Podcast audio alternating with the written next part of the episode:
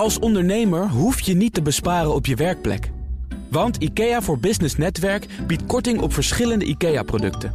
Word gratis lid en laat je werkplek voor je werken. IKEA, een wereld aan ideeën. Werkverkenners wordt mede mogelijk gemaakt door NCOI, de opleider van Werken Nederland. BNR Nieuwsradio. Werkverkenners.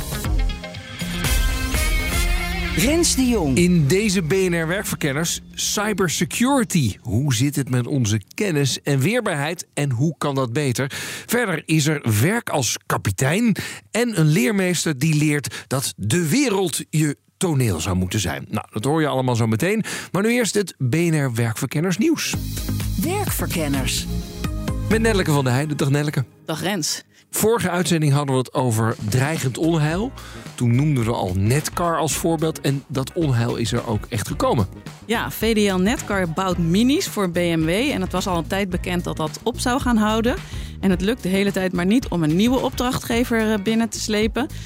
Nou, was eigenlijk dus ook al bekend dat er heel veel mensen zouden uitvliegen. Daarom hebben we dat ook als dreigend onheil voorbeeld genoemd. En nu deze week. En nu is het zover. Ja. De directie heeft bekendgemaakt dat er uh, al 1800 mensen per november uh, kunnen gaan vertrekken. Dat is ongeveer de helft, hè? Ja, daar werken nu zo'n uh, 4000 mensen. De minis die, die worden nog wel tot maart 2024 gemaakt. Maar in november wordt er dus al stevig afgeslankt. En de rest moet waarschijnlijk dan in maart alsnog zijn uh, biezen pakken. Nou, Ja. De verklaring van de directie dat een deel al in november uh, moet vertrekken is... ja, het was al wel bekend dat we de productie naar het einde van het contract al zouden gaan afbouwen. En dat is dus nu aan de orde. Hoe reageren de vakbonden? Nou, CNV die is uh, echt verbolgen over de timing. De directie die uh, zegt dat het allemaal bekend is. Maar dit is nou weer typisch uh, olie op het vuur. Want er zijn al weken spanningen. Want ze zijn ook aan het staken om het sociaal plan beter te krijgen. Nu is iedereen boos en nu komen ze met deze mededeling. Hm. Goed, dan een andere vakbond. Namelijk de Vereniging van Contractspelers. Ja, de VVCS. Is voetbal, toch? Ja, die is voor spelers in het betaald voetbal. Oh. En die waarschuwt nu voor loesje zaakwaarnemers. Ja, je kunt helaas niet meer Mino Raiola bellen, de beste zaakwaarnemer aller tijden. Wordt wel gezegd. Oh, wordt wel gezegd, ja. Die ja. leeft niet meer. Nee. Maar er zitten dus tussen die zaakwaarnemers echt flinke oplichters. De. NOS heeft het over intimidatie, bedreiging en oplichting. Nou, wat, uh, waar moet je aan denken? Voetballers die moeten voor honderden of zelfs duizenden euro's voorschieten... om het ticket naar hun favoriete club te kunnen betalen... en Oh. hun verblijf daar ook zelf Meen niet? Betalen. ik introduceer je wel, maar dan moet je me eerst even Ja, betalen. weet je wat? Uh, ik heb voor jou geregeld dat je bij uh, Barcelona een gesprekje hebt. Ga er maar heen. En dan regel je alles. En vervolgens ben je er eenmaal en hoor je helemaal niks. Oh. Of sommigen gaan bij een buitenlandse club aan de slag onder barre omstandigheden, krijgen niks betaald, moeten daar wel leveren. Of een, wat, een voorbeeld dat ik ook zag, een clubeigenaar die het land vervolgens niet meer uit laat gaan. Oh, wauw. Klinkt als een bijna een soort gevangenschap. Nou, dat, dat, dat is het. Maar dan hebben we het dus niet over de Frenkie de Jongen van, van deze wereld, nee, toch? het gaat vaak om kwetsbare spelers, zegt de voorzitter uh, van de VVCS. Hij zelf oud-prof Levchenko. Zaakwaarnemers weten wie een aflopend contract heeft, zegt hij. En ze weten precies hoeveel iemand verdient. Dus ze weten ook wat ze moeten bieden om iemand uh, enthousiast te krijgen. Wat misschien meespeelt, is dat de zaakwaarnemers sinds 2015 geen licentie meer nodig hebben. Dat heeft de FIFA toen afgeschaft. Maar inmiddels is hij er weer. Dus Mhm. voor je licentie moet je nu een examen afleggen en daarvoor slagen. En lukt dat niet, dan mag je nu per 1 oktober geen zaakwaarnemer meer zijn. Ja, Misschien maar- is het tijdelijk. Ja, tot die tijd sowieso opletten. Ja. Dan ander nieuws. Het hoogste verzuim sinds dat het wordt bijgehouden. Ja, het gaat over 2022, dit hoogste cijfer. Misschien is het inmiddels alweer iets beter, maar toen lag het verzuim in elk geval op 5,6 procent. En het wordt bijgehouden sinds 1996, dus laten we zeggen het hoogste in bijna 30 jaar. En dat is ook in geld uit te drukken, begrijp ik? Ja, deze cijfers komen uit onderzoek in opdracht van verzekeraar Nationale Nederlanden. En die kwam met het indrukwekkende bedrag van 27 miljard. Wat het ziekteverzuim Nederlandse bedrijven in 2022 dus heeft gekost. En dat is 9 miljard meer dan het jaar daarvoor. Wauw. En, en worden er ook redenen gegeven voor dit verzuim? Ja, griep en verkoudheid staan uh, op nummer 1. Maar meteen daarna volgen psychische klachten. En deze, nou, waarschijnlijk wel vaak werkgerelateerde psychische klachten komen volgens de onderzoekers door een verstoorde privé-werkbalans en door personeelstekorten. Mm -hmm. Nou, ruim de helft van de werknemers moet regelmatig overwerken. En de hoge uitval zorgt er weer dat anderen nog weer harder moeten werken. Nou ja, die vallen dan misschien ook weer uit. En zo gaat het dan. Maar Ja, ja. wordt het steeds erger. Hmm, dit klinkt niet heel hoopgevend. dan. Nee, eigenlijk denk ik dat het misschien dan toch ook in 2023 niet beter wordt. Nee. Dan, we blijven nog even bij verzuim, maar dan door geld zorgen. Ja, dat wordt in het onderzoek van Nationale Nederlanden niet direct als een van de grootste oorzaken genoemd. Maar ik kwam een opiniestuk tegen in het FD van Eelco de Haan. Hij is financieel directeur van de verzuimspecialist SASAS. En hij roept werkgevers op om een grotere rol te pakken in het helpen van mensen met geldzorgen. Omdat hij denkt dat dat ook heel veel verzuim zou kunnen voorkomen. Dus Oké. misschien leuk om hem even te bellen. Laten we dat gaan doen. Eelco, ben je daar? Jazeker, Rens. Wat kan een werkgever doen om iemand met geldproblemen te helpen? Nou, wat wij zien is dat eh, eh, werkgevers een proactieve rol kunnen pakken in problematiek rondom eh, schulden bij werknemers. Door bijvoorbeeld daar rekening mee te houden in je arbeidsvoorwaardenpakket. Middels het aanbieden van bijvoorbeeld een budgetcoach. En eh, heel belangrijk is een open cultuur creëren. Zodat je signalen van eh, verzuim preventief kan oppakken. Zodat je eh, mensen direct kan helpen. Ja, want het ligt natuurlijk hartstikke gevoelig allemaal als je zelf schulden hebt. Ja, dat klopt. Dat is zeker een grote vorm van schaamte. Je ziet dat medewerkers dan ook bang zijn voor bijvoorbeeld ontslag. En dat is eigenlijk helemaal onterecht. En we zijn natuurlijk zo opgevoed dat je kan leren rekenen en schrijven. Maar de financiële opvoeding met financiën omgaan, ja, dat wordt toch aan jezelf overgelaten vaak. En dat wordt je geacht gewoon maar te kunnen. Maar hoe kom je erachter als werkgever dat iemand problematische schulden heeft? Vaak is het dan al te laat. Dan is er sprake van eh, loonbeslag. Dus dat betekent dat eh, mensen gewoon simpelweg gekort worden op hun eh, loon. Maar andere signalen zijn dat medewerkers opeens veel vaker gaan bellen. Ze zijn afwezig, zitten niet lekker in hun vel. Dat zijn allemaal indirecte signalen waar je ook iets mee kan. En daarom vinden wij het ook heel belangrijk dat je een open cultuur op je werk hebt, dat je dit soort problemen zou kunnen bespreken. Zonder dat je het natuurlijk meteen oplost. Maar je kan medewerkers wel een goede kant op sturen, waarbij ze wel de eigen regie houden. Even voor mij, is er iets bekend van hoeveel verzuim komt door financiële problemen? Ja, 50% van de mensen in Nederland hebben moeite om financieel rond te komen. Dat zal de komende periode alleen nog maar erger worden door de stijgende inflatie en eh, de problematiek die dat met zich meebrengt. En als je dat vertaalt naar verzuim, dan zie je dat mensen met eh, schulden gewoon niet lekker in hun vel zitten en daardoor zeven dagen extra per jaar verzuimen, maar ook 20% minder productief zijn. En dan heb je ook nog eens een direct effect, doordat men niet lekker in hun vel zit, dat het natuurlijk ook wel wat vrevel wekt op de werkvloer, waardoor niet alleen eh, deze medewerker minder productief is, maar het ook nog wat kan doen met de cultuur en het gedrag van andere medewerkers binnen je organisatie. Maar toch, het lijkt me zo moeilijk om die mensen te helpen. Eh tenminste, ja, een budgetcoach, dat klinkt altijd heel lief. En dan denk ik, ja, dat hebben die mensen zelf natuurlijk ook wel bedacht, toch? Dat je niet zoveel geld moet uitgeven. Maar klaarblijkelijk kan het gewoon niet uit. Of aan de andere kant denk je, ja, moet ik gewoon mijn portemonnee gaan trekken? Ik worstel een beetje met wat je kunt doen als werkgever. Nou, wat je daarin concreet kan doen en wat wij zien dat ook echt helpt, is aan de ene kant toch zo'n coach aanbieden. Hè? Eh, want je kan het probleem als werkgever niet zelf oplossen. En ik zou ook zeker niet adviseren om het loon dan maar te verhogen. Het gaat erom dat het gedrag van eh, mensen verandert en dat ze inzicht krijgen in hun inkomsten en uitgaven. En daar kan een budgetcoach heel goed mee helpen. Daarmee hou je de regie ook bij de medewerker zelf om eh, weer op eigen benen te staan. En eh, wat wij daarin ook zien is dat op het moment dat dat lukt, dat mensen eigenlijk super trots op zichzelf zijn, dat ze het zelf weer kunnen. Ja, ja. Eelco, dankjewel. Super. Rens de Jong. En dan nu de themavraag van deze uitzending. En die gaat over cybersecurity. Vandaag kwam de autoriteit persoonsgegevens met een rapport uit. Iedereen in Nederland moet ervan uitgaan dat zijn of haar data gelekt zijn. Of dat dat nog gaat gebeuren. Nou, lekker dan. Onze vraag is: hoe zit het met onze kennis en weerbaarheid? En hoe kan dat beter? Nou, Eerst de kennis. Ik denk op een schaal van 1 tot 10 rens dat we op niveau 2 denk ik zitten, 3. En dat terwijl het heel veel voorkomt. De cijfers die een CBS presenteert... laten zien dat 1 op de 5 bedrijven uh, worden geraakt door cyberincidenten. En dus is de conclusie... Het is niet de vraag of het gebeurt, maar wanneer. Oké, okay, dat is dan duidelijk. Maar wat doen we er tegen? Awareness trainingen? Bijna niemand heeft nog als hobby om awareness trainingen te volgen. Dus een, een training waarbij je met collega's samen bent... dan heb je in ieder geval nog elkaar ook om uh, mee te praten. En je kan natuurlijk een keertje testen hoe klikgraag je medewerkers eigenlijk zijn. We hebben bijvoorbeeld zelf ook een keer een, een phishing test gedaan. En informeerden uiteraard niet de medewerkers van dat dat eraan zat te komen. En informeren blijft ook belangrijk. Maar dan niet alleen die droge theoretische kost. We geven ook vaak goede voorbeelden in van wat overkomt je collega en zorg dat je dat niet uh, krijgt. Want dat werkt het beste. Werkverkenners. Goed, Eerst maar eens even kijken hoe bewust en weerbaar we eigenlijk zijn als het gaat om cybersecurity en cybercrime. Michel Verhagen, ik ben manager bij het Digital Trust Center. Dat is een onderdeel van het ministerie van Economische Zaken en Klimaat. Ja, en, en wat doet dat Digital Trust Center precies? Dat probeert ondernemers cyberweerbaar te maken. En dat doen we op verschillende manieren. We geven informatie uh, en advies over uh, hoe je meer cyberweerbaar kunt worden.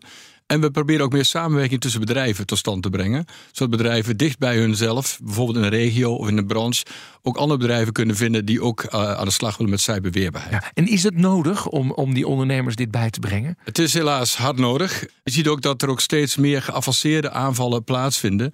Waardoor je ook als bedrijf uh, moet zorgen dat je ook bijblijft. En ook uh, bijvoorbeeld nieuwe vormen van phishing herkent. En dan ook dan en niet klikt op plekken waar je niet moet klikken. Ja. Jullie hebben recent bij kleine MKB'ers en ZZP'ers gekeken naar de maatregelen die ze treffen om zich te beschermen. Hoe doen ze het? Ja, we waren er wel enigszins bang voor, maar we zien dus inderdaad dat kleine bedrijven en ook ZZP'ers achterblijven bij de wat grotere bedrijven. Dat heeft van deel te maken met weinig ICT-kennis mm -hmm. en ook misschien weinig tijd en geld om, om eraan te besteden. Uh, dat is voor ons ook een reden om er juist extra aandacht aan te besteden. Want ook die groep uh, kan slachtoffer worden van een cyberincident. En is zich daar niet altijd van bewust. Ze denken misschien, wij zijn zo'n kleine vis. Ik ben niet interessant. Ja, helaas wordt er vaak gevist met netten. En de grote netten worden uitgegooid. En dan komen ook de kleine visjes in het net. Dus je moet ook als klein bedrijf rekening mee houden dat je bijvoorbeeld slachtoffer wordt van een ransomware aanval. En, en ransomware is dat je ook uh, je, bijvoorbeeld je data gegijzeld worden of dat je je website niet meer kunt gebruiken. En dat je pas na betaling van losgeld weer uh, daarover kunt beschikken. Ja. Uit het onderzoek blijkt ook dat, ze, dat de mensen zelf zeggen: Ik herken een phishing mail wel goed. Is dat nou goed of slecht nieuws? Het is aan de ene kant goed nieuws, want ik denk echt wel, als je dit vergelijkt met vijf jaar geleden of acht jaar geleden, uh, was phishing mail toch een stuk ingewikkeld nog om te herkennen. Voor in ieder geval bedrijven, wat ze daar aan kennis over hadden. Dus je ziet wel dat de, de, de gewone phishing mails, waarin soms zeggen slecht Nederlands te vinden is, uh, hele onlogische verzoeken, verkeerd taalgebruik, dat daarvan ondernemers zeggen van nou, dit vertrouw ik niet, hier ga ik niet op klikken. Mm -hmm. Maar helaas, de cybercriminelen zijn ook slimmer geworden, dus zij zorgen ervoor dat een phishing mail minder makkelijk te herkennen is. En ze gebruiken bijvoorbeeld gegevens van een bedrijf die ze op andere manieren hebben achterhaald om het heel geloofwaardig te maken. Oh. Door je aan te spreken met een naam die ze ergens anders hebben opgehaald, bijvoorbeeld vanuit je social media. Ja, ja. Of dat je bijvoorbeeld zegt dat ze weten, nou, dit is de directeur, dit is de financiële persoon naam directeur stuurt mail naar financieel persoon, maakt dit geld over. Je maakt het heel persoonlijk. Ja, en, en dan soms zijn ze nog zo slim om dat dan die mail te sturen op het moment dat de financieel directeur onderweg is op reis. Dus waar je niet kunt checken even van is het nou echt de financieel directeur? Want dan, op dat moment is hij in het vliegtuig en dus niet bereikbaar. Ja, ja. Nou hebben jullie ook een soort quizje toch online gezet? Ja, klopt, klopt. We snappen ook best dat voor veel bedrijven is, is cybersecurity niet een, een hoofddeel van hun werk. Dus uh, we moeten ze ook een beetje uh, makkelijk maken om er toch in te leren. En daarom hebben we een quiz uh, neergezet die in ieder geval een inzicht geeft van waar moet ik eigenlijk op letten en hoe, hoe, hoe, sta ik eigenlijk voor? Kan ik het eigenlijk een beetje herkennen en waar, waar moet ik misschien wat meer aandacht aan besteden? Bijvoorbeeld aan de URL, dat wil zeggen dus dat je kunt achterhalen van wie is de, de afzender. En uh, klopt ook de naam van de afzender wel. Dus dat zou je dan ook nog kunnen checken. Dus doe die quiz ook als je zegt van ik wil het ook voor mezelf eens even weten. Hoe dat werkt.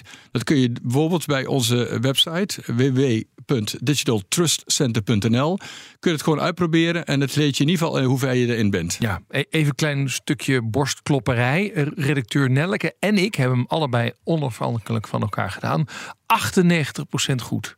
Nou, uh, Moeten wij ons geen zorgen meer maken? Nou, je, je mag je stukje op de borst kloppen, maar hou er dan toch rekening mee dat, dat ook jou, ook op een onbewaakt moment, nu heb je ervoor voor gezeten en, en je had de focus op, maar misschien dat je eh, op, op, een, op een ander moment waarop je heel snel dingen doet, misschien toch net even iets minder serieus kijkt naar waar de mail vandaan komt.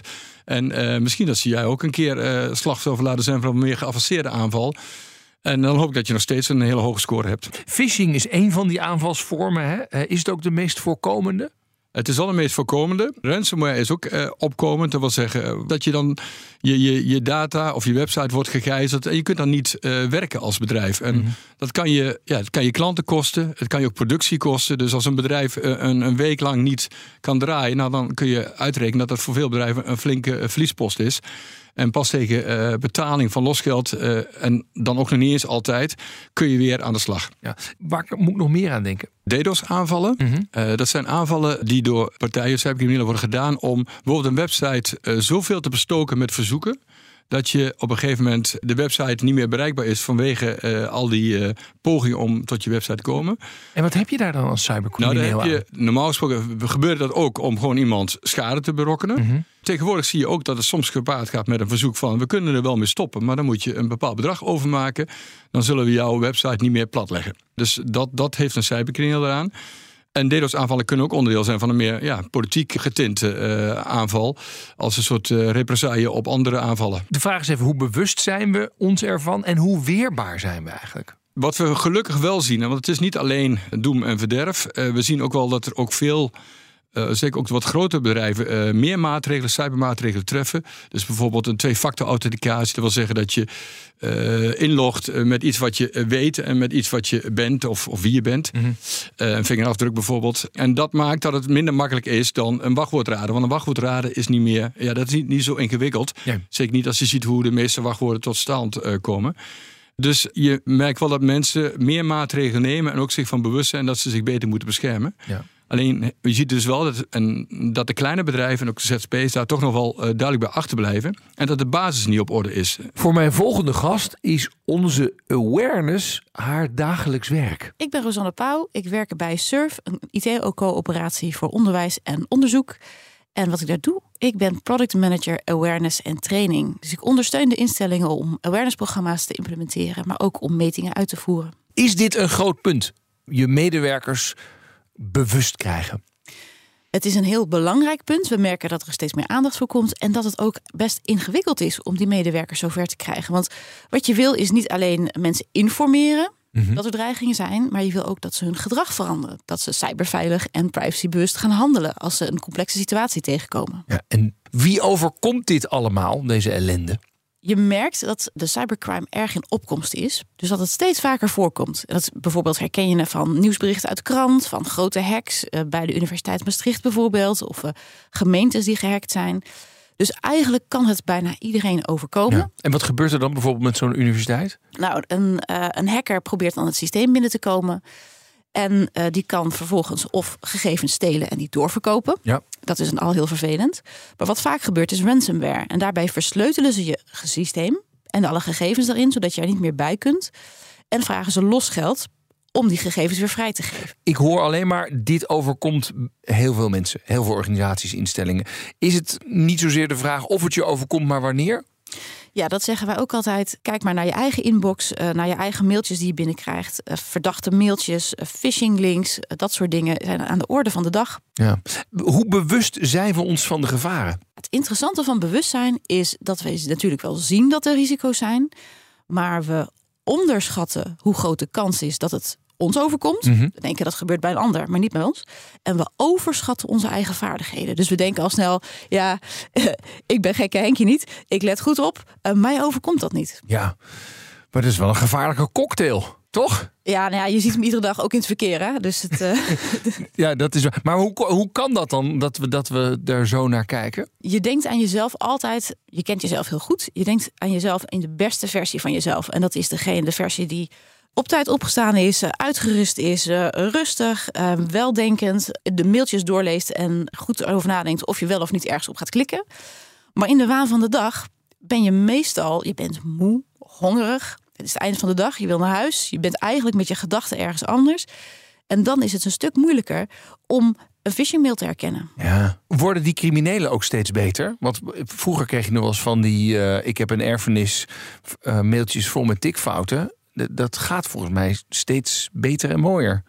Ja, criminelen worden ook steeds beter in het maken van phishingmailtjes. Ze hebben zelfs service desk opgericht. Dat als je geransomwerd wordt, dan kan je naar de service desk bellen. En die kunnen je met, met hun vragen helpen.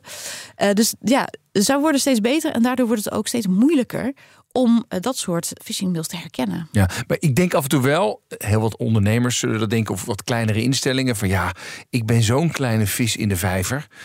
Ik ben zo niet interessant. Let it go. Ja, een, een crimineel denkt niet aan jou als een persoon of als een organisatie. Een crimineel ziet eigenlijk alleen maar data. Data die ze kunnen verkopen of eh, data die ze kunnen gebruiken. En daar ben jij vaak een kleine schakel in. Dus ook als je een kleine vis bent, zou ik toch uitkijken, want het kan je ook overkomen. Ja. Hoeveel mensen klikken eigenlijk op zo'n phishing mail? Er worden wel eens phishing simulaties gedaan. Dus dan stuur je een nepmailtje eh, vanuit je organisatie. En tussen de 20 en de 60 procent van de mensen klikt wel eens op een phishing mail. Oh, wow. Het kan natuurlijk verschillen per organisatie. Ja. Dan kan het al te laat zijn. En het is belangrijk dat je dan niet in paniek raakt en denkt: oh jee, ik vertel het aan niemand en het zal wel overgaan. Maar dat je dat dan ook meteen meldt bij je IT-afdeling of bij je service desk eh, of bij iemand die dan vervolgens actie kan ondernemen. Ja. Toch nog heel even terug over waarom we hier intrappen. Jij zei net van nou, je bent hongerig, je let niet op en et cetera. Ik begrijp dat ze het ook wel proberen dat je een soort onder druk gezet voelt of dat je het reptiele brein aanzet. Kun je daar iets over zeggen? Ja, een, eh, een mens maakt heel vaak beslissingen op basis van emoties. Wij denken graag dat we rationeel zijn, maar dat zijn we helemaal niet. En eh, hackers maken daar heel slim gebruik van. Bijvoorbeeld die truc waarbij je een, een appje, een WhatsApp-bericht krijgt. Mam, ik ben mijn telefoon kwijt, dit is mijn nieuwe nummer.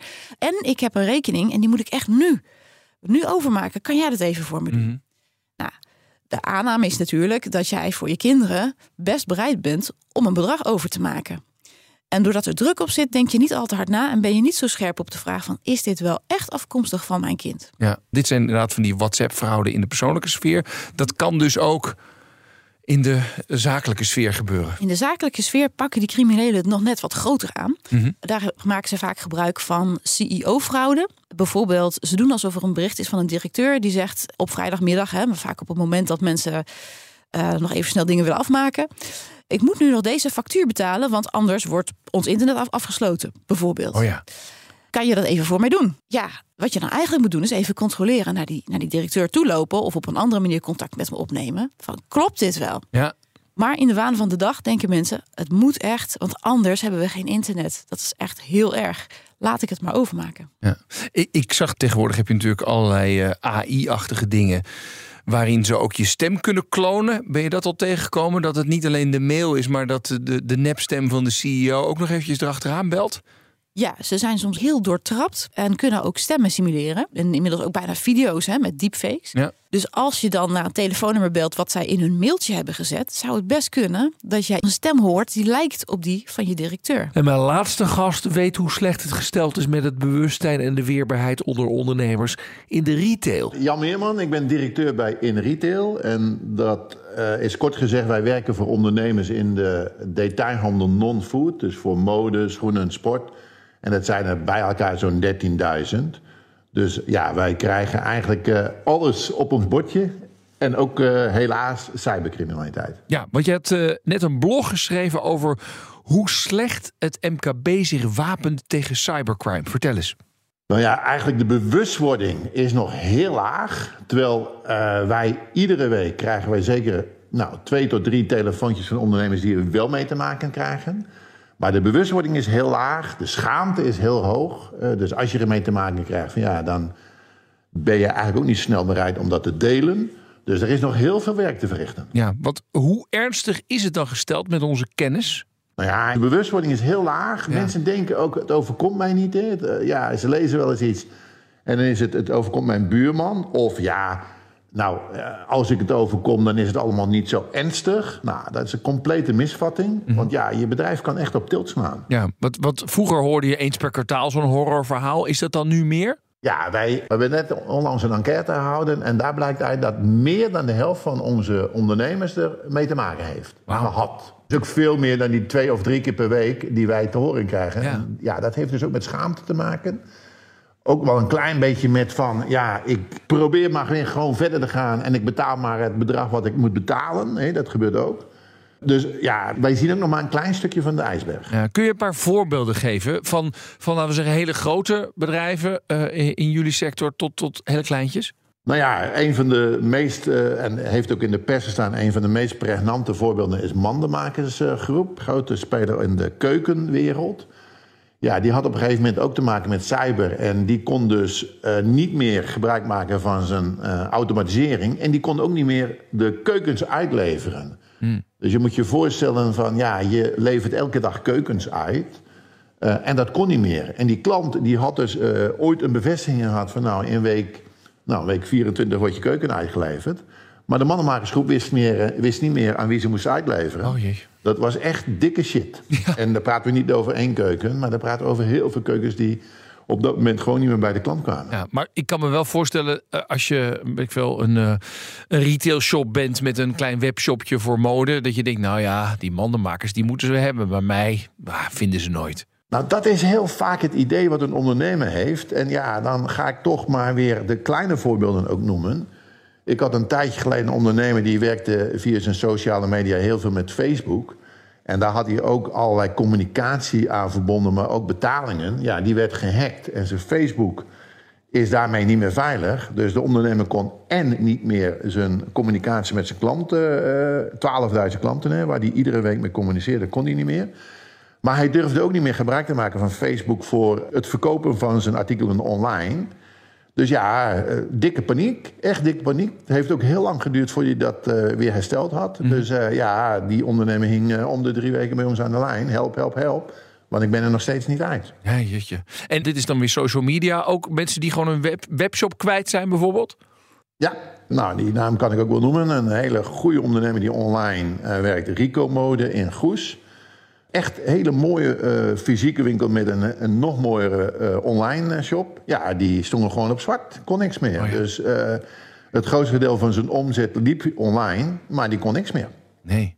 Dit was een ondernemer die online sterk was. Dus die had ook wel de voorzorgmaatregelen genomen. Maar eh, ja, eh, ja de, de criminelen drukten er toch doorheen. En eh, kon, hij kon echt niks meer. nee. En wat doen ze dan uiteindelijk? Ja, uiteindelijk heeft hij betaald, want de paniek was groot. En eh, ja, het bedrag wat hij moest betalen viel gelukkig nog wel mee. Dus hij is toch maar overstag gegaan. Maar ik, ik denk, eh, ja, ik spreek hem regelmatig. Ik denk dat hij maandenlang in de paniek heeft gezeten van... wat doe ik als het me weer overkomt. Ja. Als je dit soort verhalen hoort, dan, dan moet je je als ondernemer wel realiseren dat de kans op een digitale aanval eigenlijk veel groter is dan bijvoorbeeld een brand. Ja, ik heb een eh, column geschreven, Rens, en daar heb ik gezegd... Hè, we verzekeren ons allemaal tegen een brand of wat dan ook. Nou, terecht, hè, prima. Maar ja, ik denk dat... eh, Ja, nou, ik zal een ruwe schatting maken... en dat het over, over, overgrote deel van de ondernemers... krijgt gelukkig daar niet mee te maken, maar we verzekeren ons wel. Nou, en één ding weet je van cyber zeker. Ik krijg het een keer mee te maken. Hè.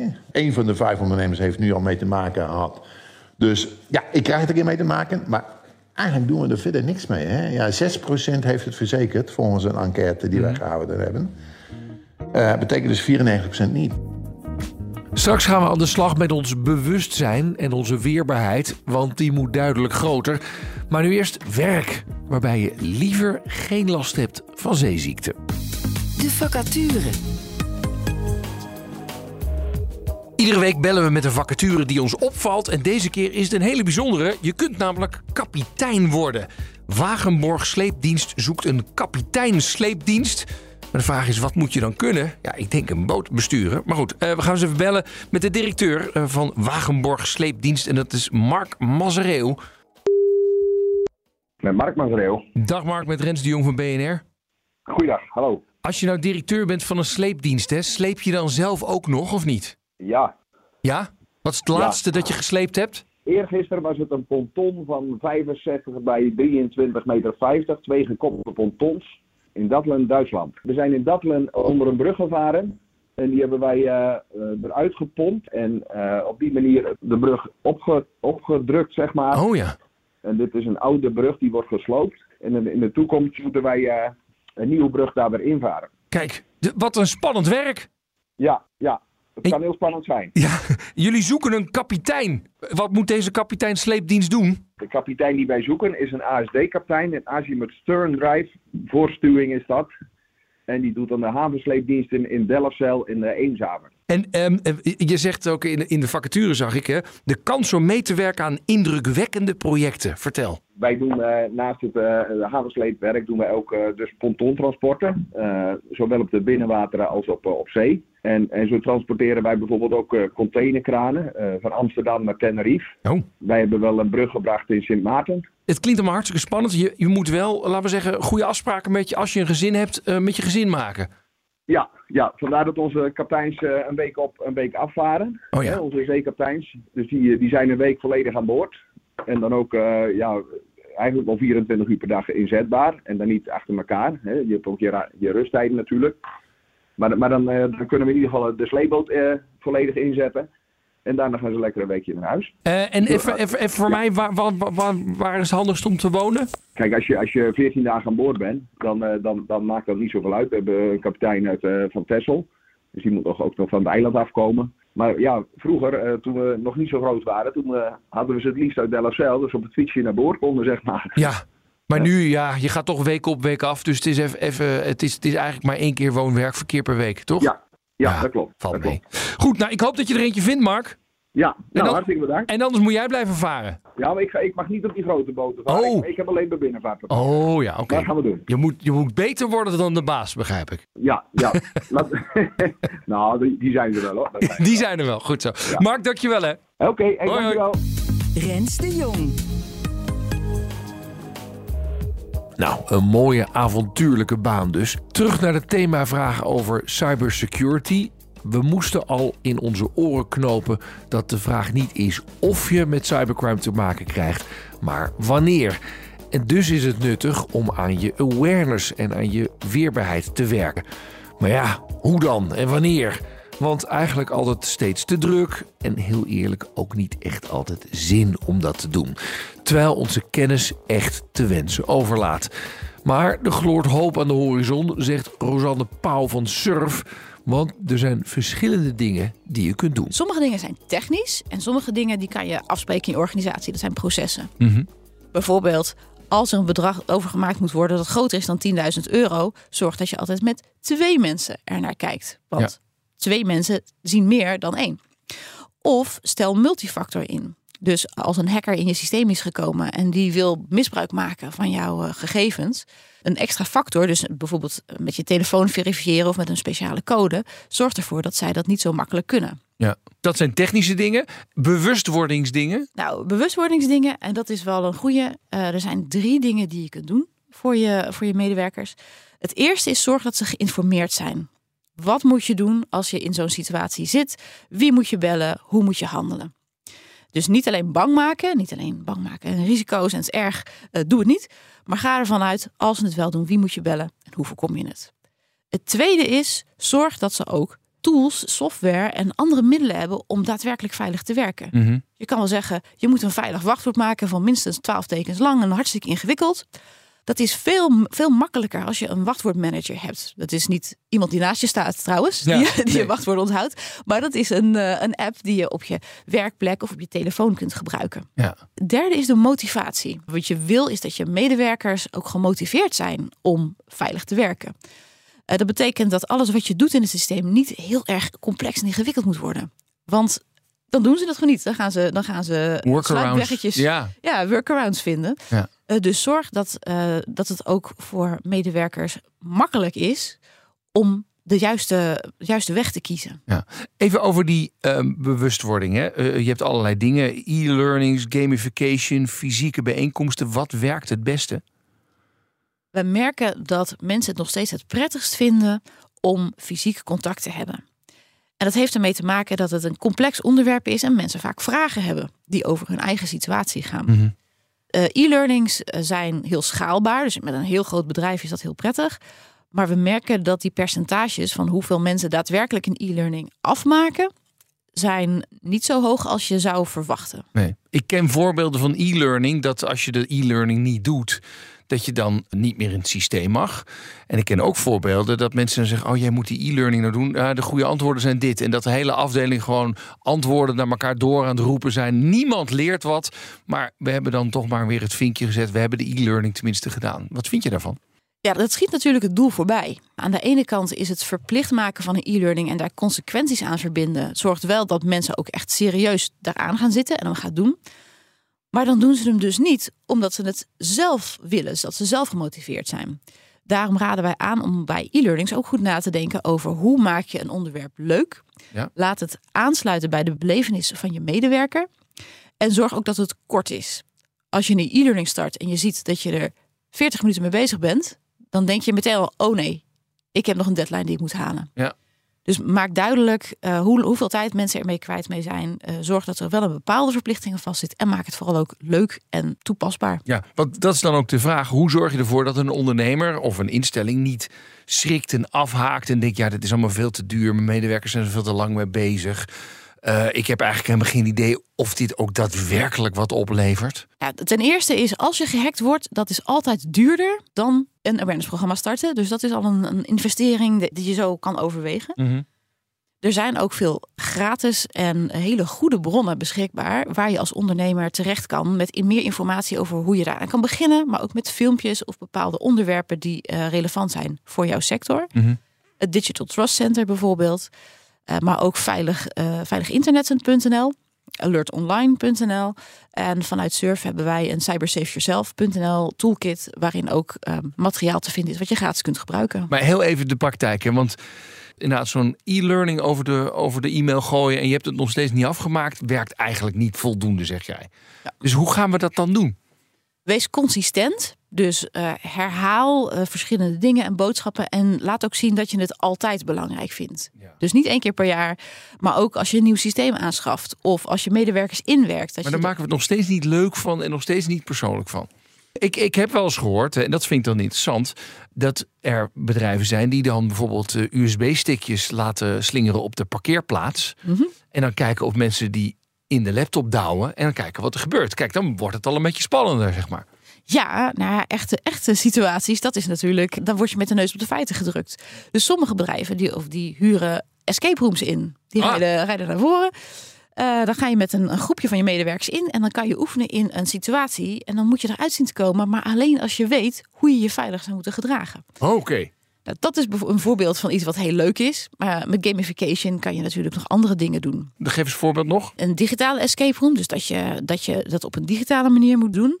Maar je kunt natuurlijk ook bijvoorbeeld een datalek zoektocht in je organisatie plannen. En zeg je, ik heb vandaag in, onze, in ons bedrijf heb ik drie datalekken verstopt. En degene die ze als eerste alle drie vindt, die krijgt, nou, noem eens iets leuks. Een beloning. Een beloning. Een champagne ontbijt, zoiets. Uh, ja. Oh ja, maar wat verstop je dan? Wat voor een datalekker verstop je dan? Een datalek kan zijn bijvoorbeeld zijn een scherm met persoonsgegevens dat je open laat staan. Maar het kan ook een printje zijn dat je vergeten bent met de printer waarop een lijst staat met de persoonsgegevens of een adressen van mensen. Ah, een soort speurtocht door het bedrijf heen. Precies, maar om hem te kunnen, te kunnen afmaken moet je dus wel weten wat een datalek is en hoe je het herkent en waar je het moet melden. Oh ja, het begint al leuker te worden dan ik uh, in mijn carrière heb meegemaakt. En er is ook iets met rubberen eentjes, begrijp ik. Ja, een van de instellingen vertelde dat ze op een gegeven moment een beloning wilden uitreiken aan mensen die dus incidenten en datalekken melden. Want dat melden is ontzettend belangrijk. Mhm. Mm -hmm. En zij hadden een rubberen eentje gegeven. Ja. Hartstikke leuk. Maar die eentjes die waren zo populair dat mensen eigenlijk zelf ook een beetje datalekken en incidenten begonnen te veroorzaken. Zodat ze een rubber eentje konden zodat verdienen. Ze, zodat ze ook zo'n mooi rubber eentje konden verdienen. Dus het is al goed om een beloning uh, te verbinden aan je awareness-campagne. Ja. Maar denk er wel even over na of dat niet, misschien niet averechts werkt. Manager Michel Verhagen vertelt dat het Digital Trust Center zelf ook tools aanbiedt om individuen en organisaties op weg te helpen. We hebben daarvoor een uh, cyberveiligcheck ontwikkeld. Ja. Dat is een, een tool die echt laagdrempelig is. En die er ook voor zorgt dat je meteen al actie kunt ondernemen. Dus bijvoorbeeld al meteen een, een backup kunt maken van gevoelige gegevens die jij hebt. Je kunt zelfs, uh, want ik heb het nu eigenlijk over preventie. Hè, dus dat je kunt voorkomen dat je aangevallen wordt. Maar je moet ook rekening houden dat mocht het je toch een keer gebeuren, heb je dan ook een plan B. Dus heb je een mogelijkheid om die bestanden weer terug te krijgen. Mhm. Mm -hmm. Dat kan bijvoorbeeld als je een backup maakt die dadelijk niet onderdeel is geweest van de cyberaanval. Ja. Dus bijvoorbeeld uh, offline ook een backup heeft staan. Of, en dat is ook een, een tip die Ja, die eigenlijk ook vrij makkelijk in te vullen is. Ook voor kleine bedrijven. Heb je een bellijst van welke partijen kun je bellen of zou je willen bellen als je geraakt bent door een hack? Want dan kan het best zijn dat je computer op slot zit en eh, je niet eerst kunt eh, achterhalen wie jouw Wie moest ik ook weer bellen? Wie, wie Oh, moest ja. ik alweer bellen? Dus dan krijg je een lijstje en het kan ook het politienummer zijn waar je zegt van nou die bel ik dan ook. Zodat je meteen ook actie kunt ondernemen als je erachter komt dat het mis is. Ja. Toch nog heel even verder inzoomen op het hoe krijg je mensen nou eh, meer bewust. Hè? Want jullie hebben zo'n testje. Nou, dat was leuk voor mij om te denken, nou ben ik een beetje goed of niet? Nou, dat, dat lukte aardig. Wat, wat werkt er volgens jullie allemaal om medewerkers toch meer bewust te maken? Nou, wat werkt, we hebben bijvoorbeeld zelf ook een keer een onderzoeksbureau ingehuurd. wat in feite die phishing testen deed. bij bedrijven die hadden aangegeven dat ze daar aan mee wilden werken. Om op die manier te checken van hoe staan, ze, hoe staan die medewerkers ervoor? Hebben ze er eh, oog voor? Hebben ze het in de gaten? En wat gebeurt er als je de phishing-test iets anders ehm, vormgeeft? Klikken ze dan net zo makkelijker op?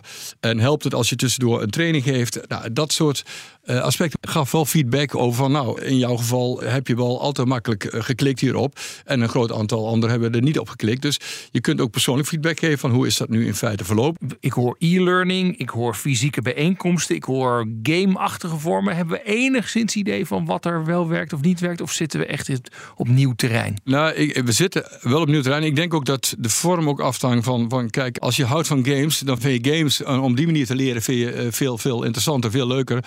dan, dan een e-learning module waar je het idee hebt van... dit is wat stoffig, ik moet nou weer wat leren. Ja. Eh, terwijl misschien die e-learning voor heel veel mensen zeggen... ja, maar wacht even, dit hoort gewoon bij mijn werk. Net zozeer als ik andere cursussen doe... eh, die mij ook helpen om het werk goed te doen... ga ik bij deze e-learning zorgen dat ik mijn werk ook veiliger kan doen. Dus ik denk dat je goed moet kijken naar... voor wie is welk aanbod het meest geschikt. Ja. Jullie proberen het aanbod ook zo laagdrempelig mogelijk te houden. Hè? Ja, klopt. Ook in het besef dat, kijk, grote bedrijven eh, hebben vaak wel een IT-afdeling. En die, ja, die, die zouden zichzelf eigenlijk redelijk moeten kunnen redden. En anders hebben ze wel budgetten om partijen daarvoor te kunnen inhuren. Maar voor veel kleine bedrijven, en die mogen ook verwachten dat de overheid hier ja, actief in is, willen ze gewoon laagdrempelig, kosteloos eh, manieren. En liefst ook in een taal die, die, eh, die ze kunnen begrijpen. Dus niet te technisch, maar gewoon zeggen van: hey, als je het hebt over, dan zeggen we niet twee-factor authenticatie, maar dan praten we over in twee stappen. Je moet, twee je moet iets weten en je moet iets, eh, iets hebben. En dan kun je veiliger op het internet dan als je alleen maar een wachtwoord hebt, wat misschien nog vrij makkelijk te raden is ook. Ja. En dat probeer je dus de ZZP'ers en die kleine bedrijven via de Digital Trust Center. Ehm, dat ze het bijna zelf kunnen doen, begrijp ik. Ja, dat ze in ieder geval de basis op orde kunnen krijgen. Kijk, op een gegeven moment wordt het wat ingewikkelder. Stel voor dat je zegt van nou, we willen het encrypten, dus het, het eh, versleutelen, waardoor je, eh, ook al heb je eh, de, de, de, de, data te pakken, dat je er niet kunt lezen, niet bij kunt. Maar dat is dan met name ook interessant voor partijen die hele gevoelige data hebben. En zeggen van nou, dat mag eigenlijk nooit in de handen van iemand anders komen. Want er zijn bijvoorbeeld ge- gegevens van patiënten of van klanten die daar heel erg benaderd zou worden als dat bekend zou worden. Ja. Hebben we enig idee hoeveel schade de Nederlandse economie eigenlijk leidt door cybercriminaliteit? Wat ik tot nu toe heb gezien aan onderzoeken, sommige kwamen uit op 10 miljard. Dat is een wat oud getal al. Eh Anderen eh, eh, zeggen 1 miljard. En, maar eigenlijk denk ik dat het op neerkomt dat we het gewoon niet weten. Omdat soms bedrijven zelf vaak moeilijk kunnen inschatten wat nou de schade is van een hack. Hoe erg is het? Wat, wat is bijvoorbeeld je reputatieschade? Er zijn bedrijven omgevallen omdat zij de klanten eh, het vertrouwen verloren eh, dat ze eh, hun, hun gegevens bij hun, dat bedrijf konden neerleggen. Ja, dat is een schade die is heel moeilijk te becijferen. De directe schade van het herstellen van, van je systemen, daar kun je vaak wel een rekening overhandigen. En dat kan ook flink in het papier lopen. Het verlies van een week productie, daar kun je ook nog van zeggen van we hebben de mensen wel moeten doorbetalen. Maar we hebben geen producten kunnen leveren. Dat kunnen we becijferen. Maar er zijn geen betrouwbare cijfers die voor heel Nederland dat weergeven. Ja, maar anekdotisch is er voldoende bewijsmateriaal dat je er echt heel veel last van kunt krijgen. Ja, zeker. We hebben ook op onze site hebben we nogal wat ondernemersverhalen. En, en dat is ook belangrijk, omdat. Kijk, als de overheid zegt van, eh, zegt van pas op en doe voorzichtig, dan denken toch misschien veel ondernemers van ja, ja, het zal wel. Maar als een ander ondernemer dat zegt, en dat merken we ook, en die zegt van nou, dit is mij overkomen. En ik heb er echt heel veel last van gehad. En eh, de volgende keer doe ik dat niet meer of dan doe ik dit anders. Ja, Ja, dan denken ondernemers, hmm, dat kan ik toch zomaar eens even aannemen. Dat, kan, dat geloof ik eigenlijk wel. Laat ik daar ook maar eens even wat meer mee doen. Als ik Jan Meerman van In Retail vraag wat nou een MKB-ondernemer met zijn mensen moet doen zodra de IT-afdeling alles op orde heeft, eh, moet hij eerst even een misverstand de wereld uit helpen. Een MKB-ondernemer heeft geen IT-afdeling, hè? dat doet hij zelf. Dus daar zit natuurlijk ook al een, een, een kwetsbaarheid. Hè? Want de ondernemer moet het erbij doen. Hè? Dat doet hij gelukkig wel in de basis goed. Hè? Dus back, backups maken en dat soort dingen en beveiligen. Dat, de basisbeveiliging is wel op orde.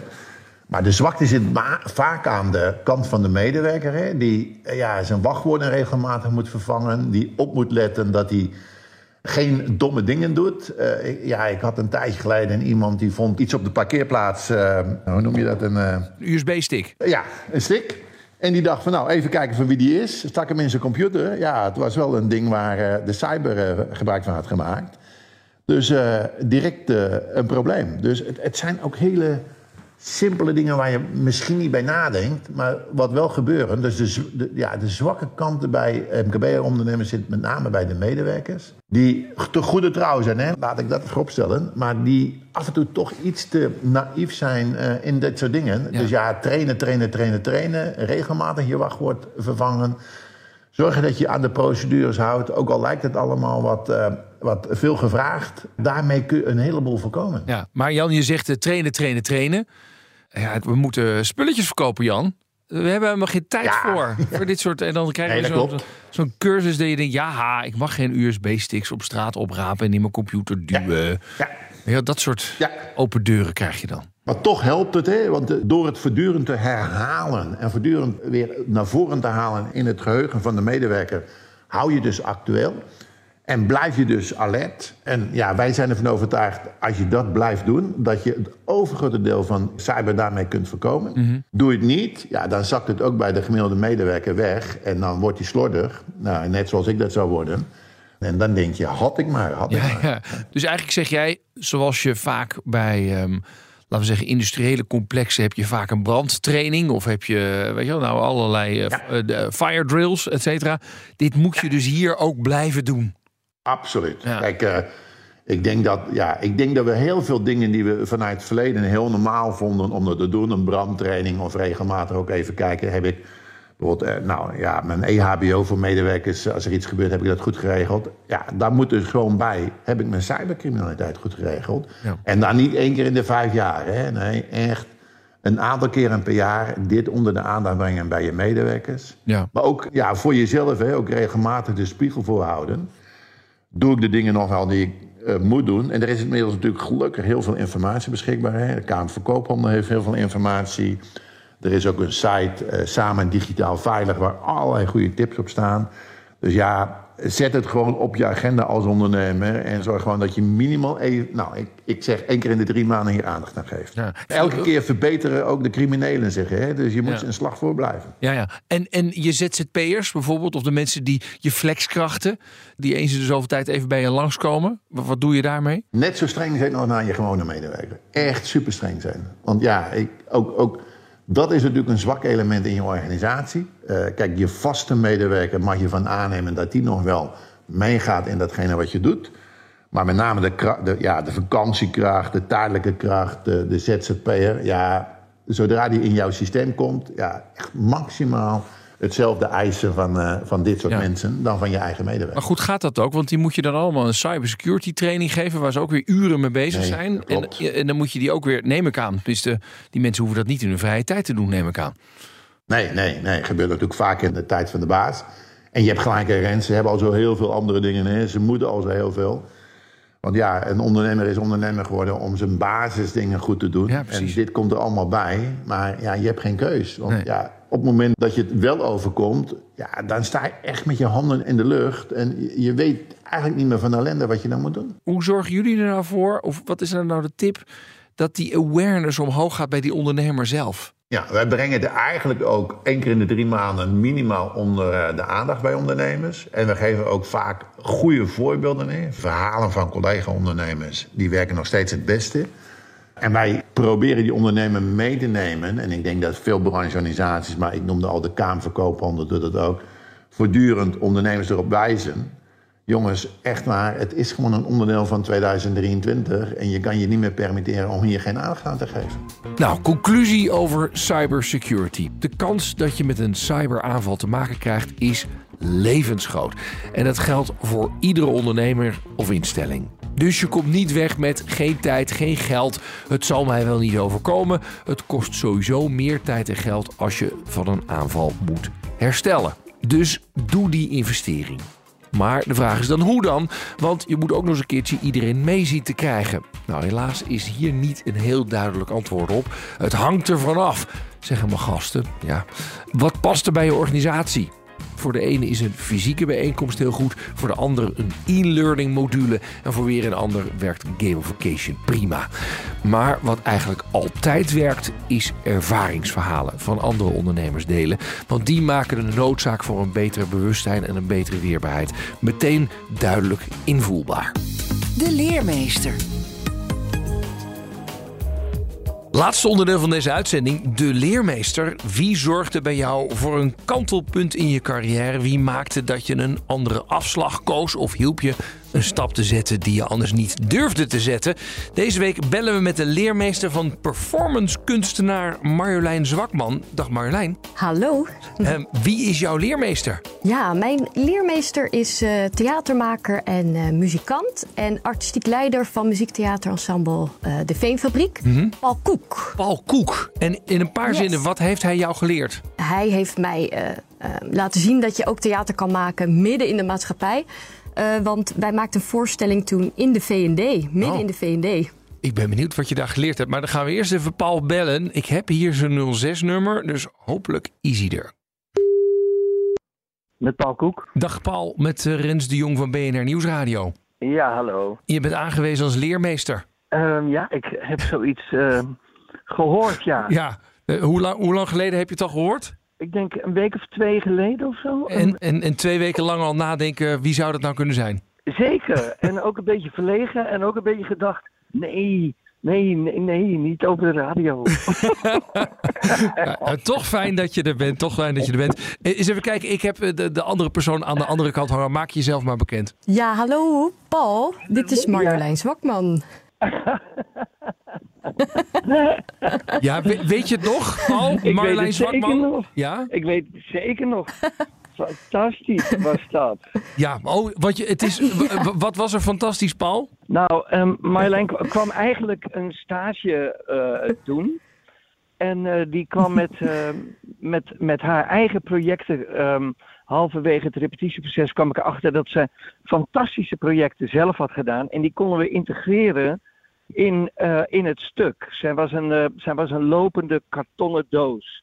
En die, uh, dat klinkt nu heel abstract, maar dat, dat, was, dat was voor dat stuk, haar leven, haar doden, van Martin Krimp in de VND in Leiden, was dat perfect. Ja, want, want Marjolein, dat is het punt dat jij ook zegt. Hè? We hebben een voorstelling gedaan in de VND en daar heb ik iets echt geleerd van Paul. Wat, wat is het dat je geleerd hebt? Nou, sowieso dat je dat je dus echt samen kan werken met anderen vanuit een eigenheid. En ook dat, zeg maar, het theater is gewoon de wereld en echte mensen. Het is gewoon een VND. Het is niet een soort, uh, ja, ik zat natuurlijk in een soort hele, een beetje elitaire omgeving toch wel in, ja, schouwburgachtige context. Dat het publiek alleen maar kijkt en jij als speler dan iets gaat doen. En nu liep dat helemaal door elkaar. Dus de, ja, dus de, ja, het publiek dat aan het winkelen was in de VND, die werd gewoon onderdeel van de scène. Ja. ja. En ja. Uh, nou, dat vond ik echt magisch. Van ah, ja. theater hoort in de wereld en met de wereld. Dat, dat heeft me, hij mij echt helemaal uh, ja, geleerd. Ja, wat fijn. Ja, Paul. Dat is de, maar, nou, nou, resoneert het wat Marjolein hier zegt, resoneert dat nu ook nog steeds bij jou? Ja, altijd. Ik vind echt dat het in de samenleving thuis hoort. Verhalen vertellen, verhalen spelen, met en zonder um, uh, winkelend publiek. Weet je wel, ik bedoel, de, op een gegeven moment ging het winkelende publiek dan in dit geval. Uh, ging de winkel sluiten, dus ging dat publiek weg. En waren we opeens met het publiek die een ticket had gekocht. Oh ja. Waren we over en dan zie je hoe bizar uh, opeens zo'n gebouw is zonder publiek. Um, dan zie je opeens dat we niet een, een, een, een stapeltje handdoeken hebben om te verkopen, maar, maar een hele afdeling met handdoeken om te verkopen. en ga zo maar ja. verder. Maar, maar, maar het is wel echt zo dat Marjolein gaf echt kracht aan dat stuk. Op verschillende momenten, in verschillende scènes. En dat, daar was ik wel echt, echt van onder de indruk. Ja. Leuk om jullie even weer bij elkaar te brengen. En hopelijk eh, op, op, op meer contact Nou. in de toekomst. Nou, fantastisch. Ja. Maar, Marjolein, Ja, te dankjewel. gek. Gaat je goed, hè? Ja, heel graag gedaan, Paul. Ja, jou ook, hè?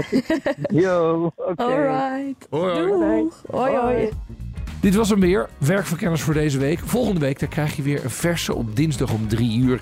En natuurlijk in je favoriete podcast-app kun je hem op ieder moment terugluisteren. Productie en redactie, Nelleke van der Heijden, Emma Somsen. Mijn naam is Rens de Jong. En graag tot de volgende keer. Dag. Werkverkenners wordt mede mogelijk gemaakt door NCOI, de opleider van Werken Nederland. Het inrichten van je eigen zaak is best wel wat werk. Daarom biedt IKEA voor Business Netwerk 50% korting op interieuradvies. Word gratis lid en laat je werkplek voor je werken. IKEA, een wereld aan ideeën.